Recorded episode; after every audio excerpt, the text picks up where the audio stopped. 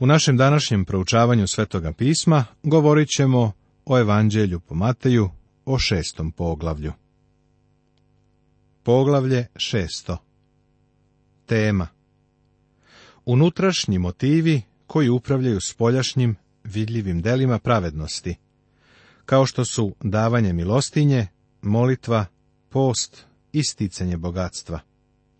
Odnos pripadnika Carstva Nebeskog prema Bogu motiv i metod davanja milostinje. Poglavlje šesto Matejevog evanđelja bavi se spoljašnjim delom religije. U petom poglavlju videli smo da car govori o pravednosti, koju njegovi pripadnici moraju posjedovati. To mora biti pravednost koja prevazilazi pravednost pismoznanaca i fariseja. Takva pravednost potiče jedino iz vere u Hrista. U šestom poglavlju Matej govori o pravednosti koju pripadnici carstva treba da praktikuju. Motiv onoga što radiš za Boga, naravno, jeste važan. U ovaj odnos ne može da se umješa treća strana. Ovo je nešto što se dešava između duše i Boga. Stvari spomenute u ovom poglavlju, davanje milostinje, molitva, post, novac i razmišljanje, brige za budućnost, vrlo su praktične. Prvo naš gospod govori o milostinji. Imaj na umu da je sve ovo povezano sa spoljašnjom stranom religije ili sa pokazivanjem, odnosno hvalisanjem i razmetljivošću u religiji. Pazite da pravednost svoju ne vršite pred ljudima, da vas oni vide. Inače nemate nagrade kod oca vašega koji je na nebesima. Iako gospod Isus svoje napomene usmerava na carstvo koje će doći, ovdje se za nas nalazi značajan princip. Kada dakle činiš milostinju, ne trubi pred sobom, kako čine licemeri u sinagogama i po ulicama, da ih ljudi slave. Zaista vam kažem, primili su svoju platu. On ovo govori sa dozom ironije. Veruj mi, on je znao kako da koristi mač sarkazma. Kada su fariseji želeli da nešto daju siromašnima, imali su običaj da odu na prometni ugao ulice u Jerusalimu i da duvaju u trubu. Iako je njihov cilj bio da se siromašni i ljudi u potrebi dozovu da prime poklone, ovo je pružalo zgodnu priliku da drugi vide njihova dobra dela. Da li ovdje vidiš paralelu sa načinom na koji današnji hrišćani daju. Naš gospod je rekao da kada fariseji tako rade, primili su svoju platu. Šta je bila njihova plata? Pa za čim su oni stremili? Isus je rekao da su tražili slavu od ljudi. Duvali su u trube i svi su trčeći dolazili da vide kako ovi darežljivo daju. I to je bila njihova nagrada. Njihovo davanje nije bilo nešto što se odvijelo između njih i Boga. A sada, zašto ti daješ? Ima više načina od jednoga da se da. Pre više godina zamolili su me da u jednoj organizaciji skupim dobrovoljni prilog. Rekli su mi da svakako svakome dam priliku da ustane i kaže koliko će dati. Na primjer, uputili su me da ovako kažem, koliko vas će dati po 100 dolara? Pitao sam, zašto tako skupljate prilog? Rekli su mi da će biti prisutan neki čovek koji će dati samo jedan dolar ako se prilog bude sakupljao na redovan način. Međutim, ako se postavi pitanje ko će dati 100 dolara, on će dati tu svotu. Ako tako mogu da kažem, on je duvao u trubu. A kada sam došao u priliku da ga upoznam, otkrio sam da to jeste bio način na koji je on davao drugima. Ima i drugih ljudi koji daju velike čekove, ali žele da ti ih lično uruči. U mojoj crkvi je bio čovek koji mi je uvek davao ček pre nego što bih izašao na propovedaonicu. Mislio je da će to tako da me uzbudi da ću sigurno to ispomenuti. Jedan njegov prijatelj je jednoga dana došao kod mene i rekao, taj i taj je vrlo uznemiren. Nastavio je, objasnio je da ja nisam obznanio veliki ček koji mi je njegov prijatelj protekle nedelje dao. Tako je, rekao sam, i onda sam ovom čoveku saopštio i razlog. Tvoj prijatelj je bogat čovek, a ček koji mi je dao nije nešto u poređenju sa onim što on ima. Prošle nedelje uručen mi je još jedan koverat, ali je donosioc rekao da ga otvorim tek nakon završetka službe. Nije mi dozvolio ni jednu reč ikome da kažem ko tome, a dao mi je duplo više od ovog bogatog čoveka. Ako bih ikome odao priznanje, bio je bito ovaj drugi koji mi je doneo koverat, ali on nije želeo da to učinim.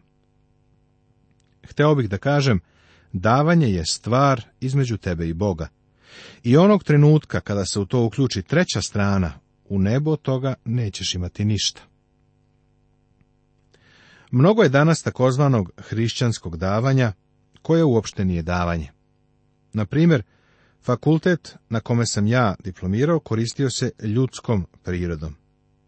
Dok sam bio u školi, napravljeni su divni arhitektonski planovi za toranj koji je trebalo postaviti. Skromno je objavljeno da će se toranj nazvati po donatoru. Barem šestoro ljudi je želeo da njihovo ime bude na tom tornju. Danas se taj toranj zove toranj toga i toga, u čast određenog čoveka.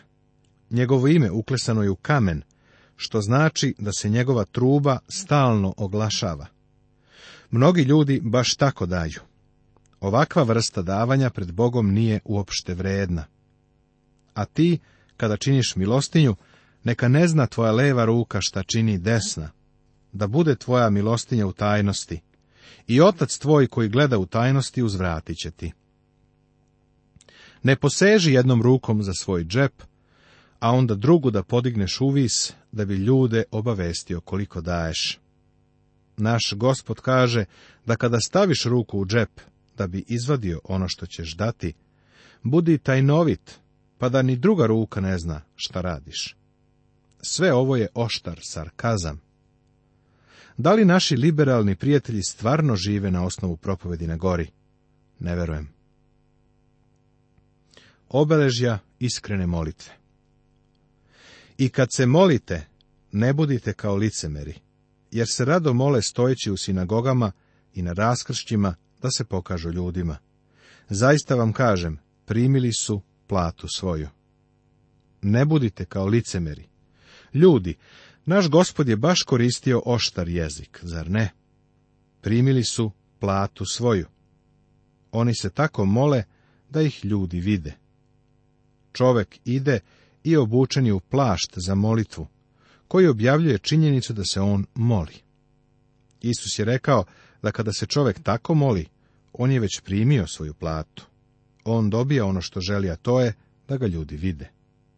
Ali njegova molitva se nikada ne podiže iznad krova zgrade. A ti, kada se moliš, uđi u svoju sobu, zatvori vrata svoja i pomoli se ocu svome u tajnosti, a otac tvoj koji gleda u tajnosti, ispunit će ti. Koncept kojim se ovdje bavimo je revolucionaran. Da li primećuješ da Isus koristi termin otac? Ovo su građani carstva o kojem gospod govori. Kako danas postaješ Božje dete? Evanđelje po Jovanu, prvo poglavlje 12. stih nam daje odgovor. A svima koji ga primiše, dade moć da postanu deca Božja, onima što veruju u njegovo ime. Naš gospod je rekao Nikodimu sljedeće, moraš se novo roditi. Sve do tada ne možeš Boga nazivati svojim ocem. U starom zavetu ne možeš naći da se reč otac koristi u odnosu čoveka prema Bogu. Ceo izraelski narod je Bog nazivao izrazom Izrael, moj sin, ali ne i pojedince. Gospod Isus sada govori o novom odnosu. U vezi sa molitvom rečeno nam je da treba da bude tajna i iskrena. Mnogi nepoznati sveti Boži ljudi bit će otkriveni na Hristovom sudu kao prave osobe molitve. A kada se molite, ne govorite mnogo kao neznabošci, jer misle da će zbog mnogih reči biti uslišeni. Neki dan sam slušao jednog čovjeka kako se molio. Svoju molbu je ponovio nekoliko puta. Gospod Isus kaže da ako oca jednom zamolimo, on nas čuje. Ne budite dakle kao oni, jer zna otac vaš šta vama treba, pre nego što ga zamolite. Molitvu treba da obeležava jednostavnost i sažetost. Iskrenost, Matej 6.6. Uđi i zatvori vrata. Tvoja molitva je između tebe i Boga. Jednostavnost, Matej 6.7. Ne ponavljaj uzaludno. Odmah pređi na suštinu, Kaži gospodu šta ti je na umu, jer zna otac vaš šta vama treba pre nego što ga zamolite. Iako već zna šta nam treba, on želi da dođemo k njemu i da ga zamolimo. I sad nam on daje primjer molitve. Ovako se, dakle, molite. Pre nego što pogledamo takozvanu gospodnju molitvu, očenaš, želim da kažem da je na javnoj službi ja nikada ne koristim. Mislim da u nedelju ujutro mnoštvo ljudi ne treba da ustane da se moli hleb naš potrebni daj nam danas. Kada kod kuće u Rerni imaju spremljeno pečenje, oni već imaju hranu. Ovo je vrlo značajna i smisaona molitva za one koji su gladni, ali dobro uhranjena zajednica u nedelju ujutro ne treba da se moli za ovo, jer je to za njih samo uzaludno ponavljanje. Međutim, ovo je divan primjer molitve za vernike svih stanja i uslova. Ovako se dakle molite. Oče naš, koji si na nebesima, neka se sveti ime tvoje. Zapazi da je ova gospodnja molitva oče naš, molitva koju naš gospod Isus ne može da moli. On nije mogao ovako da se moli. Nije mogao da se udruži sa nama i da kaže oče naš jer je odnos između oca i sina božanski odnos. Ovo je njegova pozicija, a ne zadobijenje. Ja postajem Božje dete jedino kroz veru u Hrista. Zato Hristos ne može sa mnom da kaže oče naš, koji si na nebesima. Bog nije zatočenik u ovom svemiru. On je iznad i izvan njega. On je u nebesima, u zvezdanim prostorima, ali je daleko izvan svemira danas on je više od stvorenja. On je onaj koji sedi na tronu svemira i drži sve pod svojom kontrolom. Neka se sveti ime tvoje. Tačnije prevedeno bi ovako glasilo. Neka bude sveto tvoje ime. Ime Božije govori o Bogu, o svemu onome što je Bog. Kako onda ti i ja možemo da načinimo svetim ime Božije? Moje je uverenje da svojim življenjem činimo da je ime Božije sveto. Kada je Avram otišao u Hanan, Hananejci koji su prolazili primetili su da imaju novog komšiju, jer su vidjeli njegov oltar. Gde god da je išao, Avram je gradio Bogu oltar. A kada je Avram krenuo u posao sa Hananejcima, otkrili su da je pošten. Uvidjeli su da je sve što je Avram rekao, vredno poverenje. Konačno su došli do zaključka da je Bog, kome se Avram klanjao, bio sveti Bog. Pa je Avimeleh rekao Avramu, Bog je sa tobom u svemu što radiš. Hetovi sinovi su rekli, ti si silni knez među nama. Ceo Avramov život je otkrivao poštovanje koje je on osjećao prema Bogu. Ime Božije se sigurno svetilo u Hananu zbog Avrama. Neka dođe carstvo tvoje. Neka bude volja tvoja i na zemlji kao na nebu. Neka dođe carstvo tvoje. Ovo je carstvo o kome Matej govori, carstvo koje će Hristos uspostaviti na zemlji. Ovo je molitva vredna da je svi molimo. Hleb naš nasušni daj nam danas. Kao što sam već ukazao, ova molitva je primjer nama za molitvu. Želeo bih da sada za trenutak obratiš pažnju na ovu molbu. Ovo je divna molba, tako jednostavna, a ipak treba da dođe iz našeg srca sa velikim entuzijazmom. Ona govori o našoj krajnjoj zavisnosti od Boga. Naše telesne želje, naše fizičke potrebe, On svakoga dana zadovoljava. Hleb naš nasušni, daj nam danas. Baš kao što je Izrael sakupljao manu za jedan dan, ništa nisu sakupljali za sutra. Nije im bilo dozvoljeno da sakupljaju manu za sljedeću sedmicu. Nisu smeli da prave zalihe. Ova molitva manu sakuplja svaki dan. Hleb naš nasušni daj nam danas. Ovo čoveku pokazuje da živi od danas do sutra. Pokazuje mu da čak i njegove fizičke neophodnosti, njegove osnovne potrebe, potiču od Boga. I oprosti nam dugove naše, kao što smo i mi oprostili dužnicima svojim. Naš gospod Isus ni ovo nije morao da moli. On nije imao grehe koje je trebalo oprostiti. Vidiš, ovo nije gospodnja molitva, nego učenička molitva i oprosti nam dugove naše, kao što smo i mi oprostili dužnicima svojim.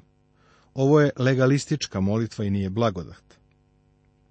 Zahvaljujem Bogu za drugi stih u Svetom pismu, u poslanici Efescima u četvrtom poglavlju, stih 32. Budite među sobom čestiti, milosrdni, praštajući jedan drugom, kao što je i Bog vama u Hristu oprostio danas nam Bog oprašta na osnovu onoga što je Hristos učinio za nas, ne na osnovu toga što mi opraštamo, što dotiče pitanje našega spasenja. Božije izbavljenje se u potpunosti vidi kada nam Bog oprašta. Kada čitamo, oprosti nam dugove naše, kao što smo i mi oprostili dužnicima svojim. Ovo se ne odnosi na naše spasenje. On ovdje govori onima koji su već spaseni, onima koji već imaju prirodu Božju. On ne čeka da ti oprostiš da bi on tebi oprostio. Ovo nije njegov metod u rešavanju pitanja greha. On je dao svoga sina da umre i to je ono na osnovu čega Bog oprašta. U nekim današnjim crkvama postoji formalna religija, liturgija i ritual u kojima se oprosti nam dugove naše koristi, dok drugi koristi izraz oprosti nam prestupe naše. Dve devojčice su razgovarale o gospodnjoj molitvi i o tome kako se ona ponavlja u njihovim crkvama. Jedna je rekla, u našoj crkvi ima prestupa, a druga je uzvratila, a u našoj crkvi ima dugova. Verovatno su obe bile u pravu, barem što se tiče današnjih crkava, u njima ima i prestupa i dugova. Pa koji je izraz tačan? Ovde u stvari nema nikakvih problema, jer se obe reči odnose na isto, na greh. I ne uvedi nas u iskušenje, nego nas izbavi od zla. I ne uvedi nas u iskušenje.